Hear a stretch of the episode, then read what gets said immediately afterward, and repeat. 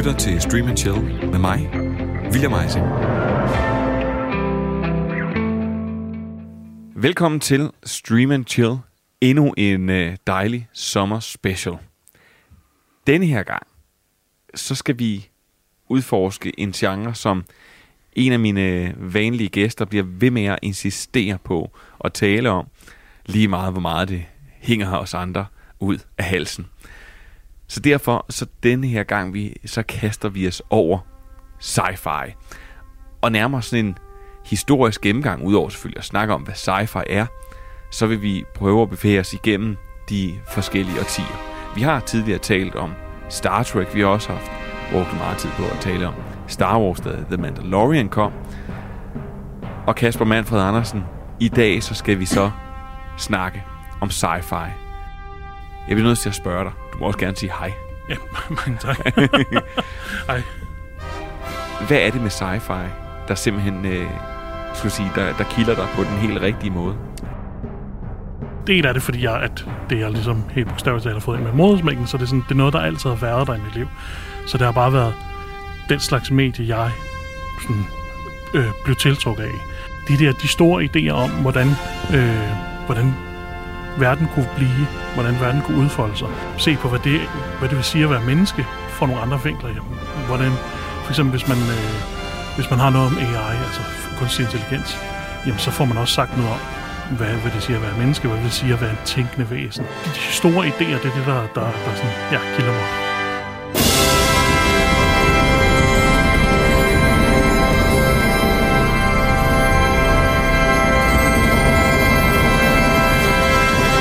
Det er de store idéer. For eksempel, ligesom når vi har snakket om, om Star Trek, der er jo på et tidspunkt, hvor de kommer ned til en planet, hvor alle egentlig er glade.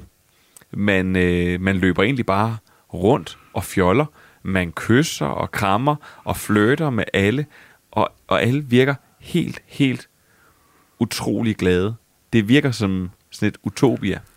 Til gengæld, så er det også fordi, at grunden til, at folk opfører sig sådan, det er fordi, at der er en, der en fra crewet, der på et tidspunkt vælter ind i et bed og øh, ødelægger nogle planter, og det er der så dødsstraf for.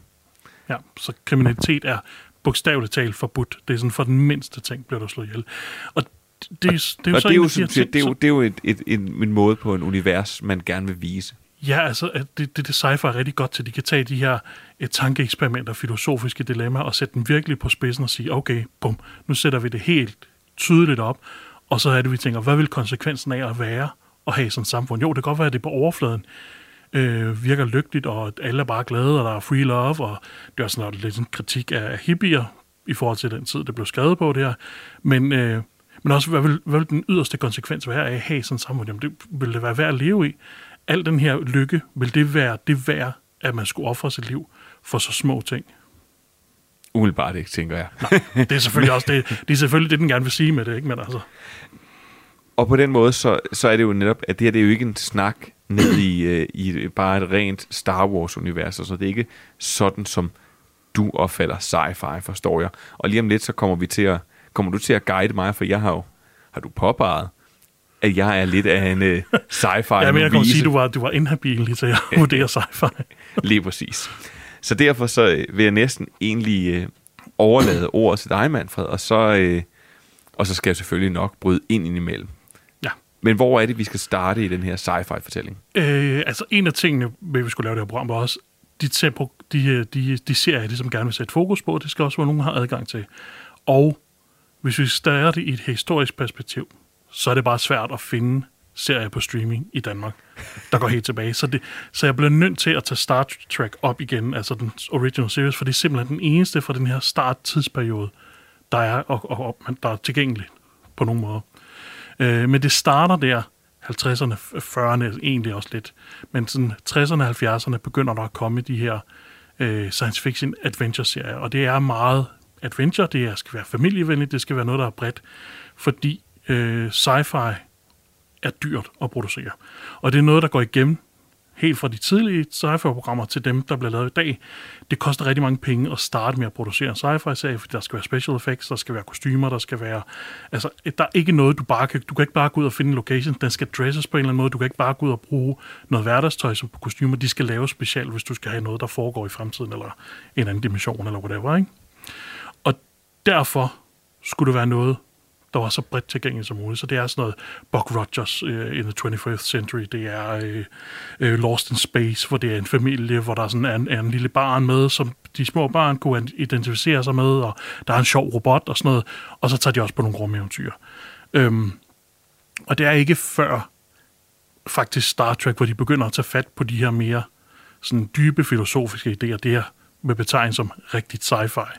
Altså hvor man tager de store idéer op. Før der var det mere sådan, øh, også ligesom Star Wars faktisk, at de, det er, det er en, en eventyrhistorie, som bruger virkemidler og elementer fra science fiction. Altså Star Wars, det er en fantasy-historie om øh, en ridder, der skal ud og slå en ond øh, troldmand ihjel.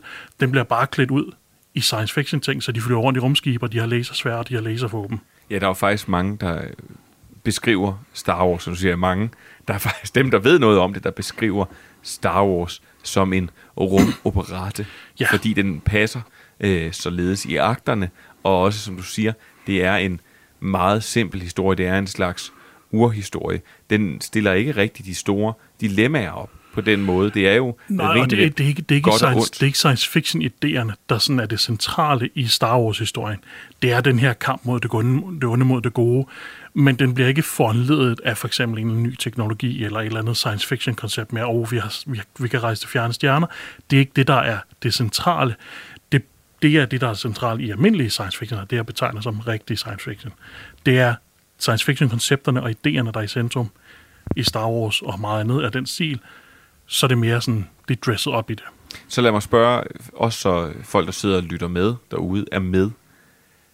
For eksempel The Matrix, ja. hvor man laver en tanke om, at vi egentlig bare er batterier, og vi tjener og robotterne på den måde. Og vi lever i en fantasiverden, hvor vi bliver holdt glade, fordi vi er de bedste batterier, der overhovedet findes. Er det sci-fi? Det er det helt klart. Hvad med sådan noget som Blade Runner? Er det, hvor vi er, der er vi jo i en nær fjern fremtid, men hvor at øh, man laver altså syntetiske mennesker. Det er jo en helt klar science fiction idé, altså sådan, hvornår er et menneske et menneske? Øh, er, er det okay? Er slaveri okay, hvis nu at de ikke er rigtige mennesker? Hvordan kan folk komme frem til at tænke på andre tænkende væsener, som ikke er mennesker, og så derfor kan gøre dem til slaver, for eksempel, ikke? Så en af dine øh, gamle pryleknapper, Mr. Data, ja. eller Data, som vi også har kaldt ham, som jo, øh, hvor du siger, det er jo netop en af de, en af de, øh, en af de øh, portrætteringer af noget, du har lært mest om at være menneske om. Ja. Altså en robot, der, hvis højeste ønske er at være menneske. Ja, hvordan er det at have følelser? Hvordan er det, for han virkelig sådan kæmper efter, healer efter, og, og det her med at, at, at skulle være et rigtigt menneske. Altså det er jo sådan en klassisk Pinocchio-historie, bare klædt op på en ny måde, ikke? fantastisk, hvordan det, tingene kan kose ned. Øh, så du siger, at det hele det starter med Star Trek. Det starter ikke med Star Trek, men det er den, første, den, sådan, den ældste tilgængelige serie, du kan se på dansk streaming. Ja. Øhm, og vel ja. også, nu sige, den, den er selvfølgelig ikke tilgængelig, men Doctor Who starter ja. vel jo også der. Doctor Who starter også på, i, i den her tidsperiode, men det er som sagt heller ikke rigtig tilgængeligt. Du kan se det nye Doctor Who, som har lidt samme vibe, men hvis du skal prøve at få oplevelsen af en af de her klassiske serier, så er Star Trek The Next, eller Star Trek The Original Series, det tætteste, du kommer på, som er sådan bredt tilgængeligt. Og hvad, hvad adskilte den til du så for det her andet? Det var de flotte kostymer, det var, eller lad os sige, det, det var kostymerne. Det var, altså, for sin tid et højere budget, end der tidligere var givet. Jeg mener, det var noget med 100.000 per, per episode dollars i sådan øh, 60, slut 60'ernes dollars. Så det er ret meget. Hvor andre science fiction serier, der var det sådan halvdelen eller en brøkdel af det, der blev givet til budgettet. Så for sin tid, og så selvom den moderne øjne måske ser, ser lidt billigere og lidt fjollet ud, så var det et rigtig, rigtig højt budget for en tv-serie på det tidspunkt. Og så sådan en som Star Trek, den øh, sætter jo så, kan jeg næsten forestille mig, fordi det er derfor, vi sidder her, den sætter en, en anden tone. en hel bølge i gang også. Ja, og altså for at få lov til at lave Star Trek, der blev det også, det tror jeg også, vi snakker om i den special, vi lavede, øh, der lyver de egentlig lidt for, for, øh, for, for firmaet, der skal producere det, og siger, at det, det, er sådan, øh, det, er, det er en western. Det er en western i, spæder, i rummet, og det bliver lidt ligesom Bonanza, det er bare i rummet, og det er det overhovedet ikke. I'm not gonna fight you, mister. Maybe I'll let you decide that, and maybe I won't. It's decided. Now, both of you, listen. This goes for the rest of you and you men, too. This is a working ranch. We don't have any time for gentlemanly sports. It's get along or get out. There's just one more rule. Anything you break, you fix. Now, both of you shake hands. I don't shake hands with no Indian. I draw my pay first. All right, Burton. You've been here two days. Your dollars ought to about cover that. Men det var den måde, de ligesom kunne få lov til at producere det, de gerne ville, og fortælle den, den slags science fiction historie, de gerne ville. Det er jo det, som Mandalorian er i dag. Det er jo en space western. Ja, og det er, så, det er dem, der rammer, rammer allermest ned i det, i, det, i, i at være en space western. Der er mange, der har, har sagt, de er det, men det er den første serie, hvor de sådan virkelig rammer tonen for, at det er en space western. Og for Star Trek som den første til Ja, til 80'erne og 90'erne. Altså budgetterne igen stiger lidt, men special effects bliver også lidt nemmere tilgængelige, fordi et CGI bliver mere og mere øh, sådan medgørligt, mere og mere med sig gøre. Øh, igen, der er ikke rigtig noget fra 80'erne. Du kan se Star Trek Next Generation, men den har jeg ligesom snakket nok om. Så jeg vil hoppe lidt videre til 90'erne, og så vil jeg anbefale X-Files i stedet for. Øhm, lidt over en anden sådan stilart og lidt anden genre, men jeg vil stadig betegne den som science fiction. Det er stadig de her store idéer. Ja, så har den også nogle ting fra fantasy og horror, men det er stadigvæk den her mm, rums, rumvæsen konspirationsteorier, der ligesom er hjertet i X-Files. Og hvad er det? Ja, fordi X-Files er også en, vi har vendt tilbage til Ja. på programmet og sådan noget. Det, er jo, det handler jo i virkeligheden om, skulle jeg sige, at de tager ud og så undersøger alle mulige idéer. Der er jo netop både noget, der kan huske, der er i mange af de første sæsoner, der er nogle AI-sekvenser, Ja. men der er jo også meget omkring rumvæsener. Ja. Altså de her hele rumvæsen konspiration. Og sådan, det var også sådan meget en, en ting sådan i 80'erne og 90'erne, det der med, uh, hvad, og hvad holder regeringen hemmeligt? Hvad øh, har vi øh, Area 51? Og sådan, alle de her sådan tråde, som også er en, er en del af sci-fi, ikke måske lige så tydeligt, det er ikke sådan, at man flyver rundt ude i, rum, i, ude i rummet i et eller andet stort rumskib, men det er mere sådan, bringer det tilbage til vores tid og ned på jorden og siger, okay, hvorfor nogle science fiction koncepter kunne fortælle med en nutidig setting og en og sådan en hverdags-setting. Altså hverdag selvfølgelig forhøjet virkelighed, fordi det er jo stadigvæk øh, to FBI-agenter, som går og finder vampyrer og rumvæsener og jeg ved ikke hvad. Ikke? Og det er jo også det, hvor man kan sige, at, at for eksempel selvom sådan noget som X-Files, de får et virkelig stort budget, og det budget vokser kun, fordi der netop er så mange, der ser det, så kan man stadigvæk se, at forskellen på for eksempel, når, der, når man laver film, til når man laver, øh, til når man laver serier og laver tv, at produktionspresset er et helt andet. Fordi nu Ja. sprang du let og elegant hen over øh, 80'erne, for, os- fordi du sagde, at der er egentlig ikke så meget ud over Star Trek The Next Generation, som vi har snakket om en del, Ja. ja. og der skal man da være velkommen til at gå tilbage og høre vores Star Trek special. Men, men for eksempel sådan noget som, sådan noget som Star Wars-filmene, som kommer i er det 77 og 81. Ja, så kører faktisk op Ja. igennem 80'erne, giver meget god udvikling. Ja, som giver en stor udvikling. Men grunden til, at de er ældet så flot, det er jo netop fordi, at man har valgt at lave praktiske effekter Ja. ja. i en helt, helt stor grad. Jeg så, at øh, altså, helt ned til, at for eksempel en af de første scener, hvor at øh, Princess Leia's Star Cruiser bliver hævet op i, ja, det er vel sådan i Imperiets gigantiske Star Cruiser. Øh, øh, der, der er det simpelthen med en klips, der er påsat på, nu siger jeg ryggen af den her, som bliver trukket stille og roligt op, så det bliver egentlig, og det bliver op, øh, optaget på sådan en stjernehimmel, men det er store plastik skibe de har bygget. Og de var også, altså, det var, det var dyrt, selvom practical effects, man siger, åh, det, det ser bedre ud. Og de ældes også mere med ynde, øh, practical effects. Men det var stadig dyrt, og det var tidskrævende at få det til at se godt ud. Det er så også det værd nu. Det var bare ikke noget, der var sådan øh, realistisk for en tv-serie at skulle kunne gøre. Så derfor for eksempel Star Trek The Next Generation, de priser lykkelig for, at de har, altså de bruger også modeller til nogle af de første sæsoner, men de priser lykkelig for, at det var muligt at lave det med CGI. Selvom den CGI, man ser i de her serier fra de tidlige 90'ere og fra 80'erne, det er ikke særlig pænt, og det er bestemt ikke elle med ynde, men det var bare det virkede der var til at skulle kunne fortælle science fiction historier på fjernsyn på det tidspunkt. Ja, og netop sådan nogen, som, du siger, når vi ser sådan nogen som Star Wars, det der, det der gør det dyrt, det er jo, at der skal bygges. Ja, alt, altså, alt, alt er blevet bygget, ikke? Alt bliver bygget, og alt bliver... Fordi det er egentlig ikke... Altså sige, det, det er det tidsmæssige perspektiv i, at tingene skal være så sindssygt flotte. Ja.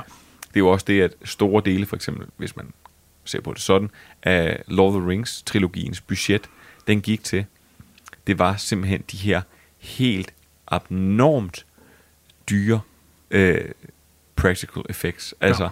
at man byggede øh, hele den hvide by. At man byggede øh, de to tårne. At man byggede øh, øh, hele Helm's Deep.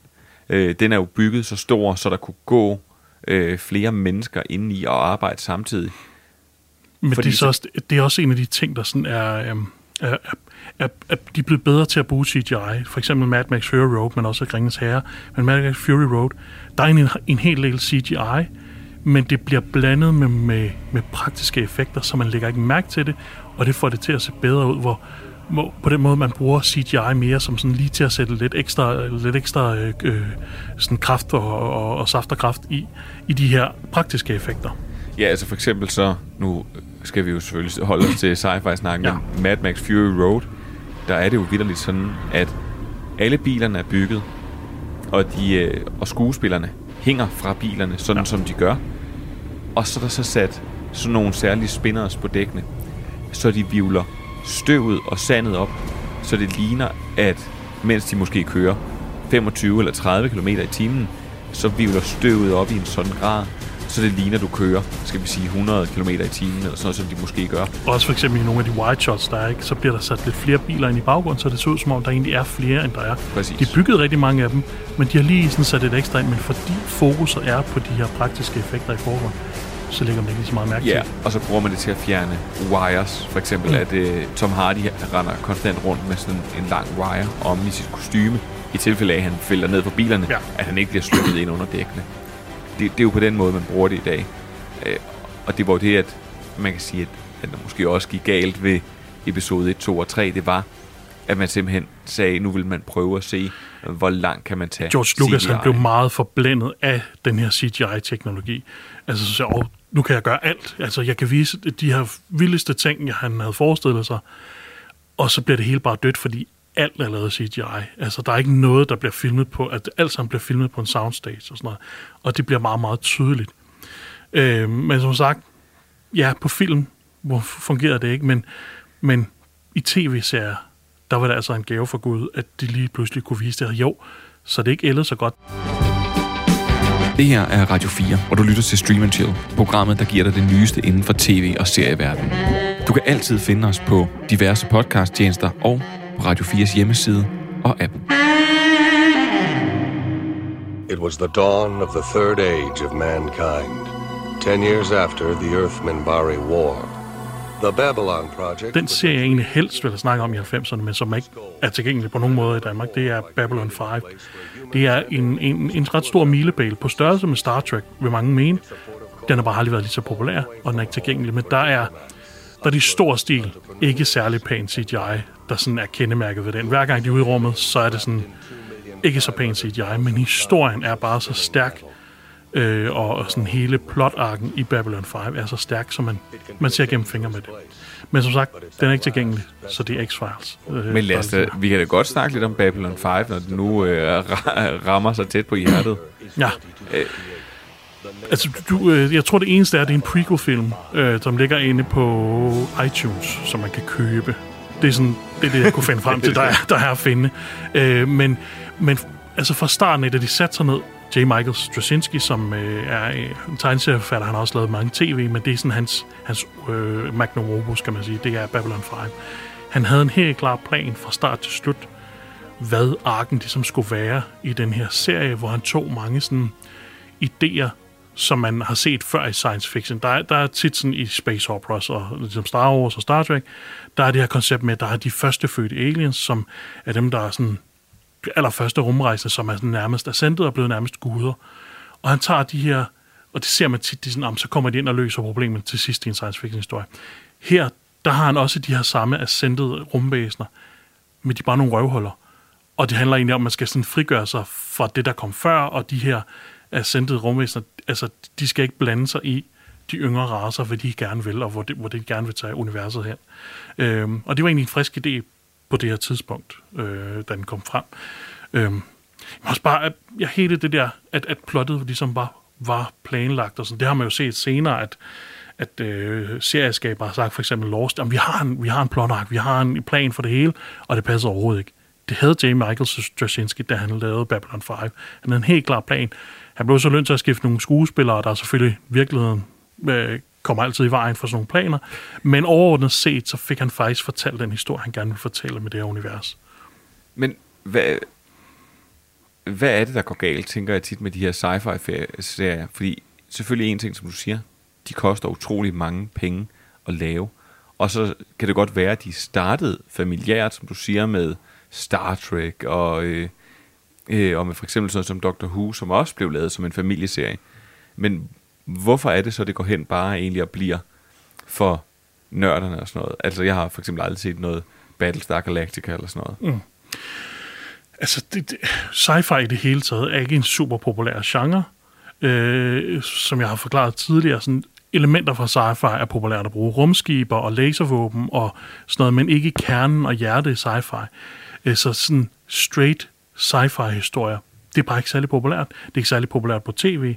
Så derfor for at få greenlit og for at overhovedet få lov til at lave sådan en serie, så skal man lave sådan nogle tricks med den lyve om det og sådan noget.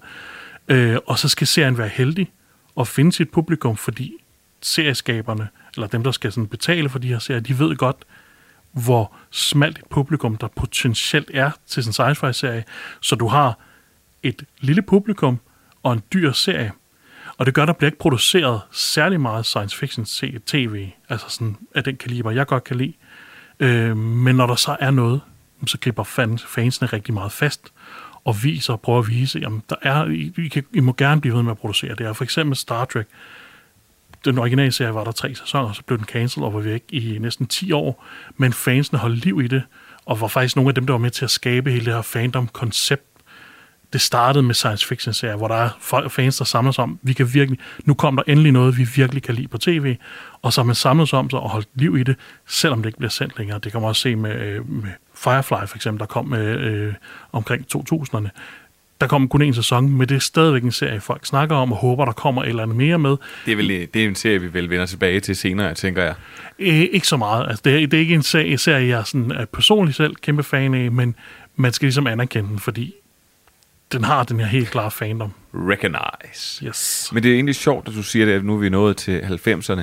For jeg tænker jo netop, igennem 80'erne, der kommer rigtig meget bred, og nu siger det netop ikke sci-fi, men det er jo sci-fi-inspirerede ting – som enten bliver, er utrolig populært, eller ender med at blive populært. Altså Star Wars, øh, næsten hele, trilo- eller hele trilogien, kommer fra slut 70'erne op gennem 80'erne. Det kan vi vist roligt sige, at det er helt, helt ekstremt populært.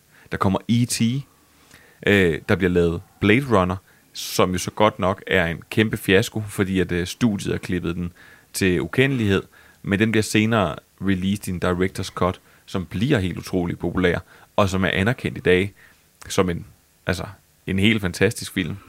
Og så der kommer jo mange ting, der egentlig gør, at der burde være mulighed for at lave de her sci-fi adventure-serier. Ja, men producenter tror bare stadigvæk ikke på konceptet. Det er sådan, man kan pege på, der er det her kæmpe, der er det her kæmpe, der er det her kæmpe.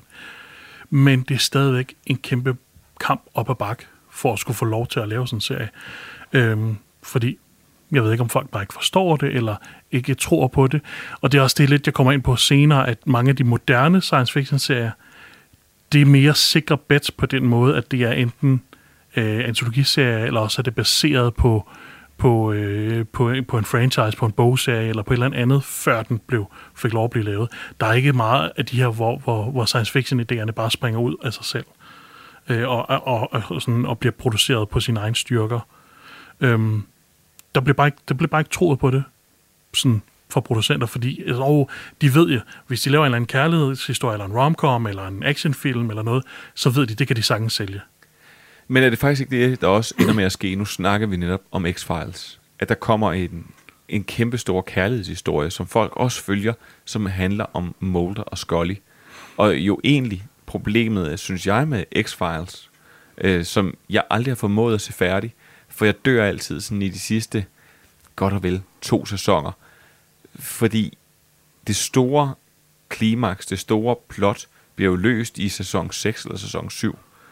Og derfra, så er der ikke det her store underliggende rumvæsens øh, eventyr. Der er ikke det her, den her jagt her, som de har sat ind på. Derefter er det bare lidt, øh, hvor de igen tager ud på morfå. Og det er jo egentlig meget Star Trek-modellen. Den ene uge tager vi til Wisconsin, hvor der er en mærkelig mand, og den næste uge er det New York, hvor der er et øh, mærkeligt væsen. Og... Meget, meget sådan plot of the week. Og det, det er så svagheden ved sådan network television. Hvis en serie blev populær, som, som X-Files blev, og havde også den der kæmpe fanskare, der også holdt liv i det, og blev sørget for, at der blev med at blive lavet ting, øh, så bliver der også liv i den, måske længere, end den egentlig burde. Fordi at, oh, det, det, folk bliver ved med at købe det, jamen, så, så får den lige en sæson mere, så får den lige en sæson mere. Øh, hvor det, der bliver produceret nu om dagen, det skal være meget mere tight. Der skal være lidt mere en plan med, hvad det er, man vil med den her historie, fordi det er ikke sikkert, du får mere end maks 6 sæsoner. Her, Max det, 6. Ja, det, det er stadigvæk meget, dream. men altså 1 til fire sæsoner er sådan, det er det, du ser de fleste serier får nu. Seks sæsoner, så klarer en serie sig rigtig godt, men det, derudover, der bliver der ikke holdt liv i den, på det der, hvor det bare bliver ved ligesom Friends, hvor det sådan, der kommer 20 sæsoner eller mere, eller Simpsons, og sådan noget, som bare bliver ved med at køre, og bliver ved med at køre, fordi der stadigvæk er et lille publikum til det. Du lytter til Stream and Chill. Selv tak. Nu ved jeg ikke, hvad der er øh, som det næste på din liste. Men øh, hvis vi øh, er vi ude af 90'erne, kan jeg jo spørge. Ja, vi rammer, øh, vi begynder at ramme øh, 2000'erne, tidligt 2000 senere, senere. Men så er det vel her, at vi skal snakke om Firefly, hvis vi skal have den med. Ja, hvis den skal med. Øh... Det synes jeg, den skal, fordi det var faktisk at Firefly var noget af det første sci-fi, sådan rendyrket sci-fi-serie, jeg så, mm. som jeg rent faktisk godt kunne lide. Ja. Øh, og dengang så dykkede jeg jo ned i historien, og fik jo at vide, at grunden til, at den aldrig blev til mere, selvom den jo egentlig er ret god, og har, en, har et ret stærkt plot, det var fordi, at, som jeg husker det, det var Sci-Fi Channel, der sendte den, som oh, valgte... Var det at, Fox? Eller Fox, Fox, ja, som, som vælger at, og, øh, at udsende den anderledes, for at lave sådan en, en anderledes fortælling. fortælling. Så de valgte at sende afsnit 8 først, og så derefter afsnit 3 og 4. Der var ikke nogen plan om det. Det var studiet igen, der ikke rigtig troede på serien. Det var sådan, oh, det kan godt være, at de havde bestilt den, og det var fra Joss Whedon, som har haft stor succes med Buffy. Så de tænkte, okay, det er sikkert hit. Og så når de så serien, så oh, det er noget mærkeligt, det der sådan space western, og oh, de købte den ikke rigtigt, så de slagtede den simpelthen. De ændrede dens timeslot, de rykkede dagene rundt, hvor den blev sendt. De, de sendte afsnit 3 før øh, afsnit 1, så folk blev forvirret, når de prøvede prøve at sætte sig ned og, og skulle prøve at følge med i den. Så den blev aldrig givet en chance med den måde, den blev sendt ud på. Men alligevel har den fundet sit publikum, hvilket er en historie, man hører igen og igen med de her tv-serier, science fiction tv-serier. Den finder sit, de finder sit publikum, og så er de meget, meget dedikeret omkring det. Det er også derfor, der blev selv, altså, der blev kun lavet en enkelt sæson, men alligevel var der fans nok til, at der blev produceret en biograffilm bagefter, som ligesom fik lov at afslutte historien mere eller mindre. Jeg har aldrig set det. Uh, Serenity. Den er faktisk, det er faktisk en, en solid science fiction film. Det er sådan, mere eller mindre bliver betragtet lidt som en klassiker nu, selvom det er, er mest et companion piece til den her ene sæson tv. Og med det, så tror jeg, vi skal tilbage til din liste. Der er vi nået til sådan slut 90'erne, start 2000'erne. Uh, og der er faktisk en serie, som, jo, nogen vil nok sige, det er science fiction, det jeg synes ikke helt, det er, men Lost kommer til at have altså, en stor betydning for, hvordan sådan, den her altså, genre-show i det hele, genre-shows i det hele taget øh, kommer til at blive produceret, kommer til at fortælle deres historie op igennem de næste 10-20 år, stadigvæk den dag i dag, øh, er, det, er det noget, der har påvirket det. Øh, og det er J.J. Øh, Abrams og hans... Øh, kompaner. ja, hans kompaner, og mere hans irriterende øh, sådan fortælleredskab, som er den her mystery box. Jeg ved ikke, om jeg har snakket om det før. Nej, øh, sig, sig frem, for det, det synes jeg ikke ringer en klokke hos mig. Altså, øh, han har lavet en TED-talk, hvor han forklarer om det. What the hell's that island? You know, um, it's usually followed by, uh, no, seriously, what the hell's that island? Why so many mysteries? What is it about mystery that, that uh, I seem to be drawn to? Han, han fik den her mystery box af hans onkel eller øh, bedstefar, eller hvad det var, øh, hvor der er nogle spørgsmålstegn på, og der er et eller andet mystisk i. Og det siger han så, at øh, det var noget, der sådan, det her med mysteriet om det ukendte, og ikke at få svar på det, øh, og have den her lukkede kasse, var noget, han tog med sig, når han skulle skrive plots. Hvilket gør, at når J.J. Abrams sætter et plot op, så sætter han en masse tråde i gang, og han skaber, uh, hvad er det her? Hvorfor er der en isbjørn på øen i Lost? Øh, hvem er Rays forældre i Star Wars? Og så sætter han bare alle de her små plots i søen, og mysterier i søen, og han har ikke tænkt sig at svare på dem. Fordi han synes, det mest spændende er mysteriet om det ukendte i sig selv. Hvilket gør det jo røv irriterende som seer, fordi man vil gerne have svar på Man behøver ikke at få svar på alt i en historie. Altså, det behøver man, skal, man, man, man kan vel godt, der bliver jo, man siger, der bliver jo kritiseret tit for nørdesider nu, at det er sådan noget med, så skal vi have en, øhm, en, en, en prequel-film, som lige forklarer historien om og ham her. alt for meget i detalje. Det er Sådan, der Ja. behøves ikke, og man, man, hvor man går igennem en liste, og så runder alt af. Sådan, man behøver ikke at få svar på alt. Og tit en rigtig god mysteriehistorie. Når du får svar på et mysterie, jamen, så opstår der to nye. Det er ikke sådan, J.J. Abrams ting gør. Han laver bare en masse mysterier, fordi oh, mysterier er spændende. Øh, så som seer er det dybt, dybt frustrerende at skulle følge med i en serie. Det er jo også, som jeg har snakket om tidligere, Lost. Ja, så sagde de, at der er en plan, der er en mening med det hele. Ingen skid. De hiver bare ting ud af røven for hver sæson. Øh, og så håber de, folk følger med, fordi at, at, der, at det her mysterie og tanken om det ukendte er, er, er lige så spændende for publikummet, som det er for J.J. Abrams. Men den der historiefortællestil kommer for eksempel til at påvirke en rent faktisk god serie, som er Battlestar Galactica fra 2004, mener jeg, den kommer frem. Men før vi hopper til den, så synes jeg lige, vi skal færdiggøre Lost. Ja, Fordi jeg kan godt mærke, at den måde, som du øh, gør det her på, og du går gennemgår din liste, det er sådan meget lost -agtigt. Vi hopper lidt frem og tilbage i tid, og der bliver øh, Jamen, det er fordi, Øh. så kommer der lige en spændende idé. åbne plottråde hister her. Øh, altså, jeg kan huske Lost, for jeg så også en del Lost. Men, men kørte jo vidderligt som alle andre sur i det. Øh, efter gang nummer 900, da de er kommet af øen og er kommet tilbage på øen, Præcis. og man ikke ved, hvad det er. Fordi de formår jo at holde en suspension utrolig lang tid. Men Den da første sæson er skidegod, fordi den virkelig griber en, man tænker, okay, hvad er The Hatch? Hvad er der nede i den der hatch? Hvorfor er der en eller anden moderne hatch på den her øde ø? Hvad sker der med det? Hvad er alle de her mystiske ting? Man bliver virkelig, virkelig grebet af den første sæson. Og der bliver bare ikke fuldt ordentligt op på noget af det, synes jeg. Jeg tror, jeg, jeg gik død i sæson 3 eller 4, da jeg så den original. Jeg har prøvet at vende tilbage til den, fordi jeg tænkte, jeg skulle det hele med.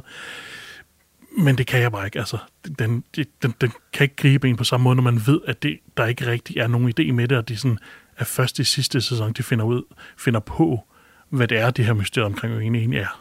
Ja, for nu skal, som jeg lige husker, det kan det passe, det er femte eller sjette sæson, den slutter i. Ja, Ja. Og jeg tror, jeg er med så langt til, at de alle sammen er kommet af øen i en eller anden udstrækning. ja. Og, og der er vi henne nemlig, nemlig inden femte sæson eller starten af sjette sæson, så kunne jeg simpelthen ikke mere. Netop fordi det er en... Altså, der må jo godt være ukendte ting, der må godt være ukendte faktorer, men det bliver simpelthen... Det bliver for meget. Det vil jeg give dig øh, fuldstændig det ret var i. også en af de her interessante ting, sådan, okay, de her folk er strandet på den her ø, det bliver lidt ligesom Lord of the Flies, altså, hvor, øhm, hvor, det, hvor, hvordan overlever de, hvordan bliver der skabt det her mikrokosm, og det her mikrosamfund, hvor der er nogen mod nogle andre, og, øh, og så er der nogen, der bliver udstødt af øen, og så er der faktisk nogle andre folk og sådan noget. Altså hele den her, sådan, so- det her sociale øh, konstruktion, de stiller op, den er også skide spændende der blev bare ikke rigtig fuldt op på det, og det der med, om, åh, så kommer de af øen, men så skal de tilbage igen, og på et eller andet tidspunkt, så løb de jo bare tør for ting at fortælle om folk på en mystisk øde ø. Så derfor begyndte de at lave alle de der sidequels, og oh, så var det en alternative reality, i stedet for, det var de der flashbacks, som serien er meget kendt for, at der hver episode, så var der nogle flashbacks, som en karakter, hvad lavede de før de kom til øen, og, hvad, og havde måske oplevet nogle ting, der trak nogle tråde hen til det, der skete på øen. Og sådan. Det var meget spændende. Og det blev de også større for. Så flyttede de væk fra øen, Så flyttede de tilbage på øen, så flyttede de til et alternativt univers, og så var det måske Purgatory, og ja, altså, det hele kører bare lidt af sporet, fordi at der var, selvom de siger, der var en plan, det var der ikke. Det er Gilligan and the Skipper. Præcis. Om igen. Præcis. Just sit right back and you hear a tale, a tale of a fateful trip that started from this tropic port aboard this tiny ship. That skipper's looking pretty fat for one that's just eating coconuts. og med det så til Battlestar Galactica.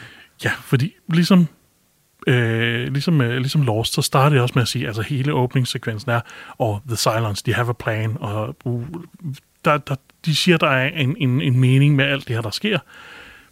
Det er der ikke rigtigt. Og den løber også ind i Rider Strike, så de blev nødt til at omskrive en masse ting og sådan noget, men øh, jeg skal måske gennemgå plottet lidt. Der er de her mennesker, som bor på 12 kolonier ude i rummet, hvor man rejser lidt frem og tilbage mellem dem, og de har lavet den her race af robotter, der hedder Cylons, som de har haft en tidligere krig mod, øh, som de sådan endte i, i en truce. Altså det er sådan, okay, I fiser, øh, robotterne fiser hen og, og bor et andet sted, og så lader de også være i fred. De vender så tilbage og ødelægger alle menneskeheden. Så det handler om den her flåde af de sidste overlevende, som skal... Og så hver episode, oh, nu er vi løb, ved at løbe tør for den her ressource, og vi, har, vi er blevet til at få skaffet et eller andet her, og vi er blevet til at stoppe et eller andet sted her, og der er, der er sådan fraktioner i den her flåde, som gerne, og vi skal bare finde en planet og slå os ned igen, men de bliver stadig jagtet, de her sejre. Hele den her overlevelseshistorie er rigtig spændende. Og så skifter de lidt over til i sæson 3 og 4, at det bliver det her mysterieplot, og det bliver her, det her, den her mystery box fortælling i stedet for som ikke, der ikke rigtig blev lagt op til fra starten af, og det fungerer ikke lige så godt. Øh, men det er stadigvæk en rigtig, rigtig solid serie, øh, og jeg synes, det er stadigvæk en masse fede karakterer, der øh, altså følger den her desperate udvikling, desperate overlevelse, som de gennemgår. Man føler virkelig med dem. Og Battlestar Galactica, hvor, hvor lang tid kørte den? Altså, fordi det er jo en, der er blevet refereret ret hissigt i, øh, i sådan nørdekultur. Den kørte kun fire sæsoner, øh, og igen, det var sådan noget med, jamen, studiet troede ikke rigtig på den, og de kunne ikke rigtig få, øh, få forlænget, og som sagt løb også ind i Writer Strike, hvor de måtte korte en sæson ned, og den blev afsluttet på en måde, de overhovedet ikke havde tænkt sig. Så den, den haltede lidt over mållinjen, og det var nok derfor, den ikke fik flere sæsoner, men det var også en kæmpe succes for Sci-Fi Channel. Det var der, den kørte fra starten af. Så de har hele tiden vendt tilbage. De har lavet prequel-serier. De snakker stadig om at lave et øh, reboot nu, eller vende tilbage til det samme univers, og der er blevet lavet nogle tv-film og sådan noget. Fordi det var en kæmpe succes. Og som jeg sagde også tidligere, altså, den har en kæmpe dedikeret fanskar, som holder liv i, og gerne vil have mere fra det her univers. Og det prøver Sci-Fi Channel, eller prøvede Sci-Fi Channel også at give dem. For der, der er stadig, de ved, at der stadigvæk er et ret stort publikum til den. Og for Battlestar Galactica til... Jo, en skud ting. Øh, en serie, jeg også vil have snakket om fra her omkring tidlig 2000, midt 2010'er, er Fringe. Øh, men igen, den er ikke rigtig tilgængelig. Du kan gå ind på Blockbuster, og så kan du købe et episode til en 50'er, eller købe en hel sæson til 200 kroner. Jeg vil, næsten... nok, jeg vil nok foreslå sæsonen. Så. Sæsonen, ikke? Altså, øh, men du kan kun få sæson 1-3 eller sådan noget. Den er god nok. Det er en rigtig god serie, så jeg vil sige, at den var det værd, men den, den er ikke bredt tilgængelig på streaming. Øh, men det er også en rigtig, rigtig fed serie. Den tager ligesom teten op fra X-Files og siger, okay, man gør det mere sådan den er, den er sådan helt klart over at være science fiction, hvor de siger, de her fringe science, de her øh, sådan videnskabelige koncepter, som man måske kunne lade sig gøre, som sådan er, er, er kun teoretiske. Hvad nu hvis der var nogen, der kunne få det til at virke i virkeligheden? Og så handler det om FBI-agenter, der skal rundt og efterforske forskellige forbrydelser, og sådan noget, der bliver begået med det her fringe science. For eksempel, oh, der er nogen, der har kunne øh, lave en dragt, hvor de kan gå igennem molekylerne i atomer, så de går ind i en bankboks, og får stjålet, stjålet det her, men så er der selvfølgelig en af dem, der sidder fast i væggen, og så kommer de ud til, til den her crime scene, hvor der er en mand, der sidder fast i en væg, og skal de opklare, uh, hvordan skete det, og hvordan har de lavet det her teknologi. Øh, og der vil jeg fremhæve John Noble, øh, han er, spiller også Denethor i Ringende Sager, det er nok der, de fleste kender ham fra. Han, er, han, han spiller sådan en gal videnskabsmand i den her serie, og han er virkelig genial. Han gør det super, super godt. Øhm, han har arbejdet med alt det her Fringe Science tidligere, øh, og så hælder de ham ind som konsulent, og den eneste, der sådan rigtig kan sådan styre ham og, og kommunikere ordentligt med ham, er hans søn, så ham henter de også ind som konsulent. Så det handler om de her team af John Noble, den gale videnskabsmand, øh, øh, Anna Torv, som også var med i, med i Mindhunter, hvor hun også spiller en eller anden FBI-agent. Men hun er også her, hun er, hun er god i den rolle, og hun er god til at spille government agent, kan man så sige. Øh, og, og så, så øh, John Nobles søn. Og så skal de sådan efterforske de her mærkelige forbrydelser med Fringe Size. Men igen, den er ikke bredt tilgængelig på streaming. Du kan købe øh, enkeltvis stående sæsoner ind på Blockbuster. Og på det her tidspunkt, så er vi vel også ved at nå hen omkring, hvor at X-Files ligesom slutter. Ja, og hvor at, øh, at der var... Øh, altså, de havde jo haft en biograffilm. Den, den første af deres biograffilm er vel sådan set den mest populære. Ja, Øh, det er også den, der sådan ligesom afslutter hele det der alien-konspirationsplot. Ja, den er i hvert fald med til at binde tingene sammen, og mm. man bliver jo faktisk nødt til at se, der er et kæmpestort hul i serien, hvis det er sådan, man ikke går ind og ser filmen. Ja. Hvorefter at man så blev nødt til at lave en film til, fordi efterspørgselen var så stor, og den film er næsten lige så ringe som uh, The Happening med Mark Wahlberg. Plastic. Talking to a plastic plant. I'm still doing it.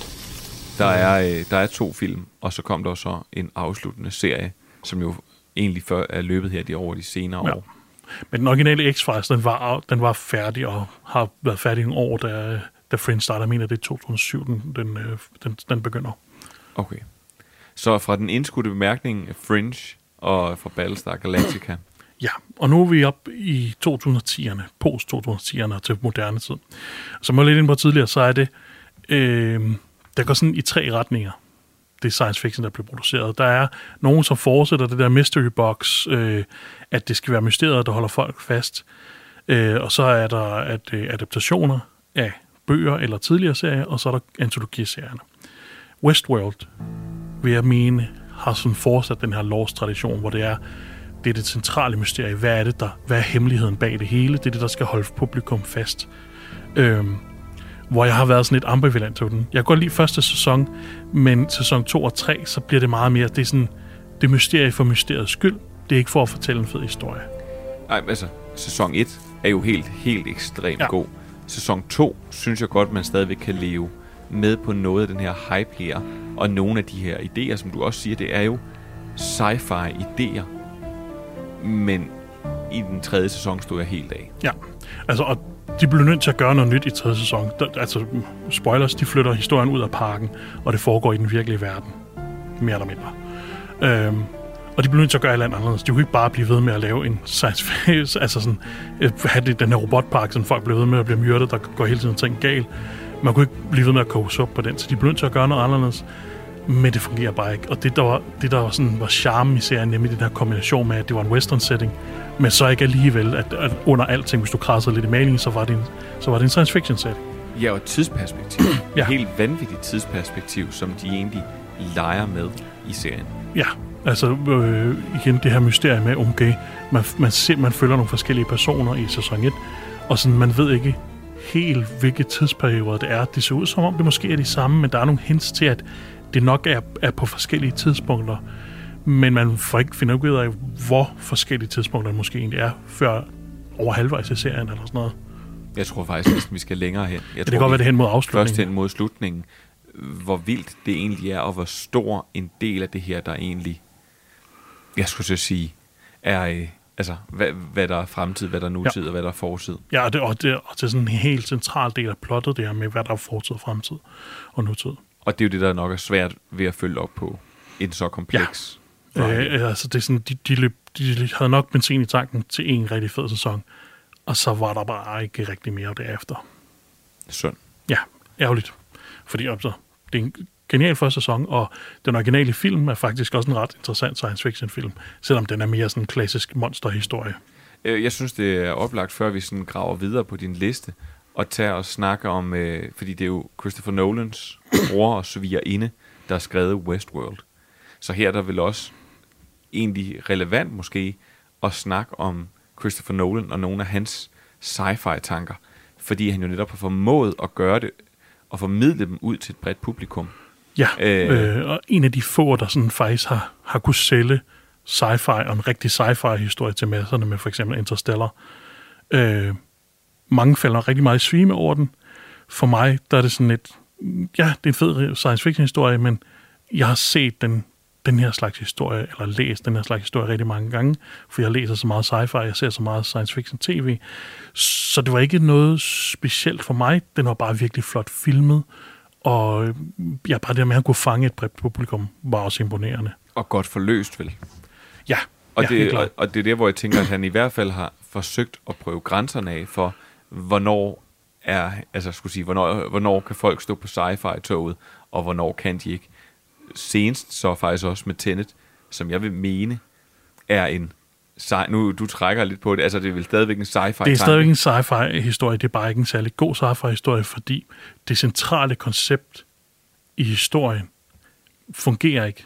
Altså, det bryder simpelthen sammen. Øh, Jeg ved ikke om, om altså, jeg har prøvet at sådan ting, og, og logisk, så giver det ikke rigtig mening, men han får i hvert fald ikke forklaret godt nok, hvordan det her koncept med at rejse, med at folk bevæger sig forud og bagud i tid, men i sådan real time. Og det bliver aldrig forklaret godt nok, hvad mekanikkerne egentlig er, hvad reglerne egentlig er for det her. Så derfor, når der sker ting, som skal være dramatiske, fordi man forstår de her spilleregler, så, så er man ikke med. Så forstår man ikke spillereglerne, så man forstår ikke, hvorfor at det her skulle være dramatisk, og hvordan det der egentlig foregik. Altså med, at, at de flygter fra et eller andet vault ved at rulle baglæns ud af døren, fordi han rejste tilbage i tid. Og sådan. Men sådan fungerer det ikke i nogle andre scener. Øh, så det er sådan, det, det bliver, han, form, han formudrer hele det her koncept og hans idé med, hvad, hvad det egentlig var, han ville med Tenant. Nå, men fra øh, Nolan-familien, som egentlig bare lige skulle være en lille øh, sidebemærkning, og så videre ned af den store liste. Du lytter til Stream and Chill. Selv tak. De to andre koncepter, øh, adaptationer, det er et Westworld egentlig også lidt, så det er sådan en double whammy.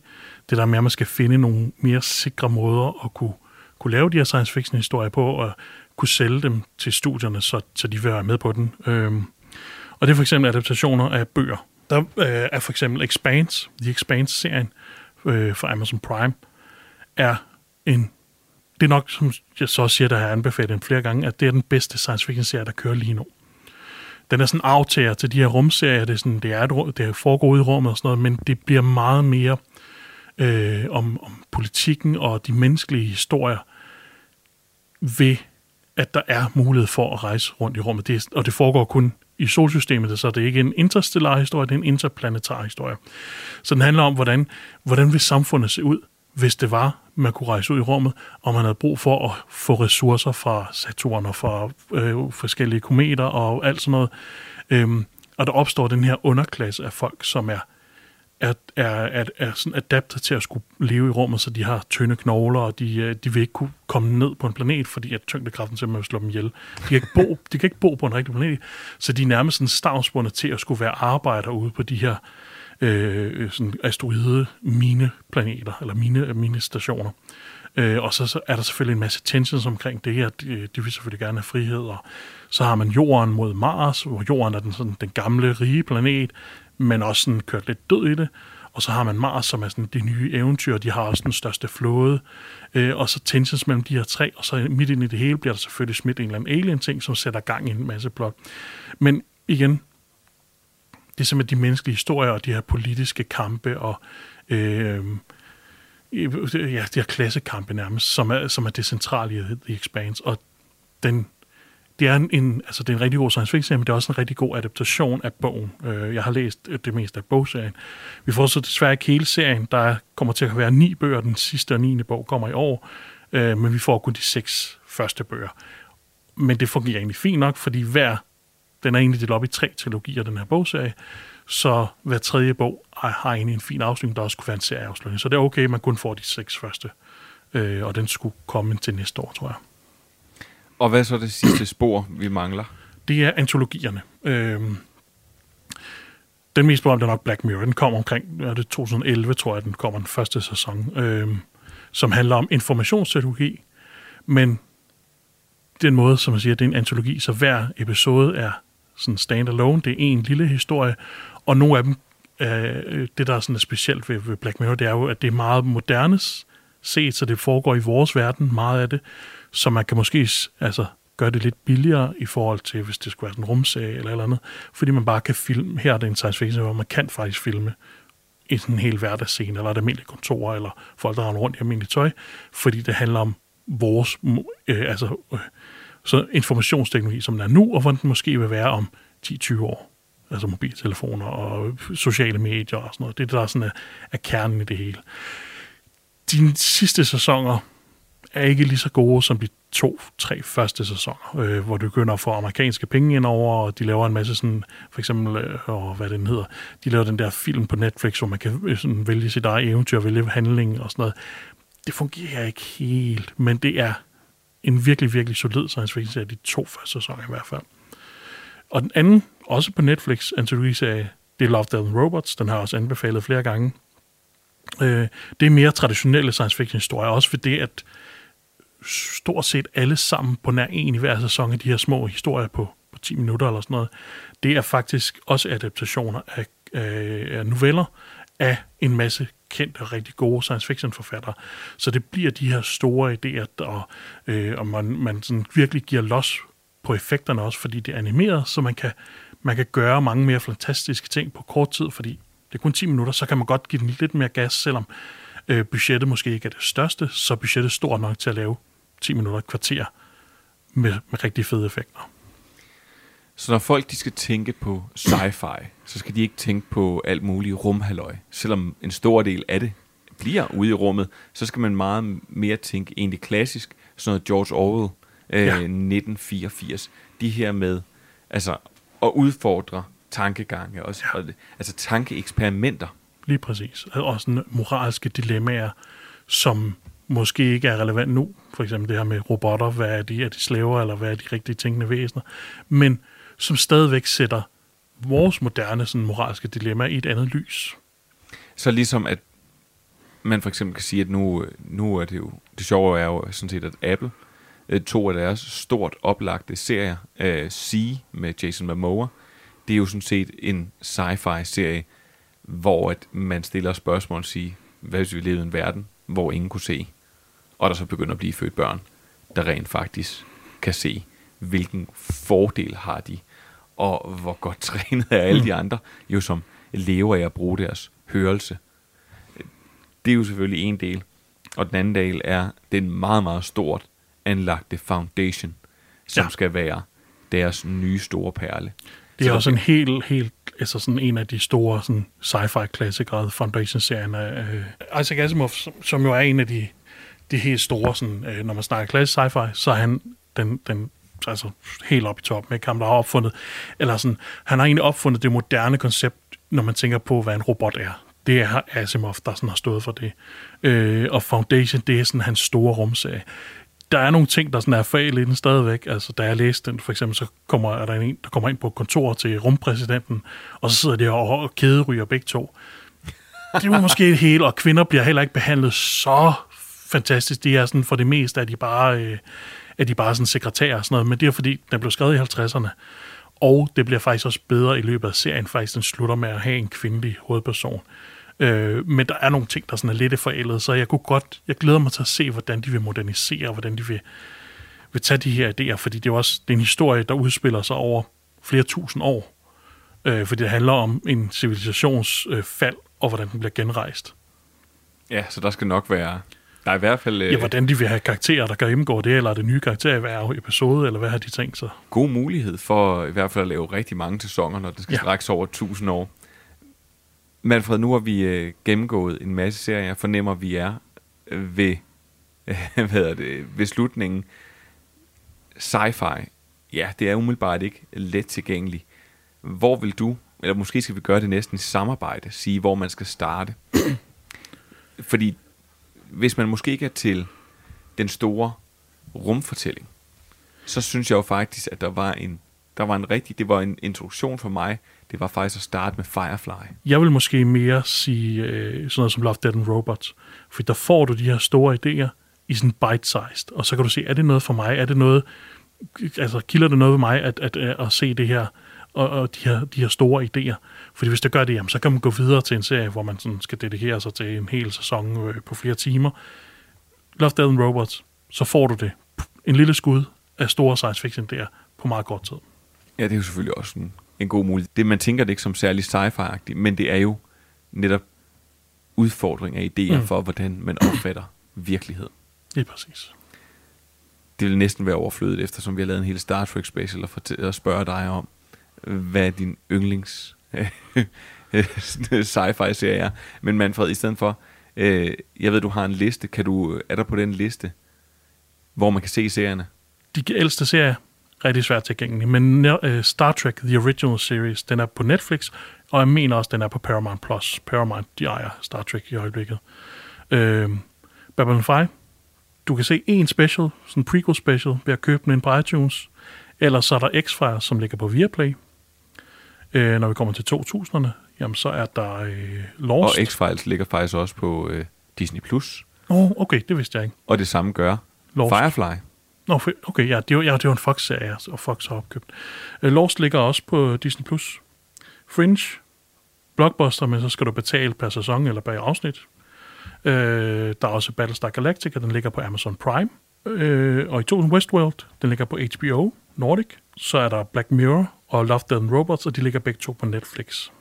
Meget fornemt. Men Manfred, så vil jeg egentlig bare sige tusind tak, fordi du vil være med og gøre os alle sammen klogere på sci-fi.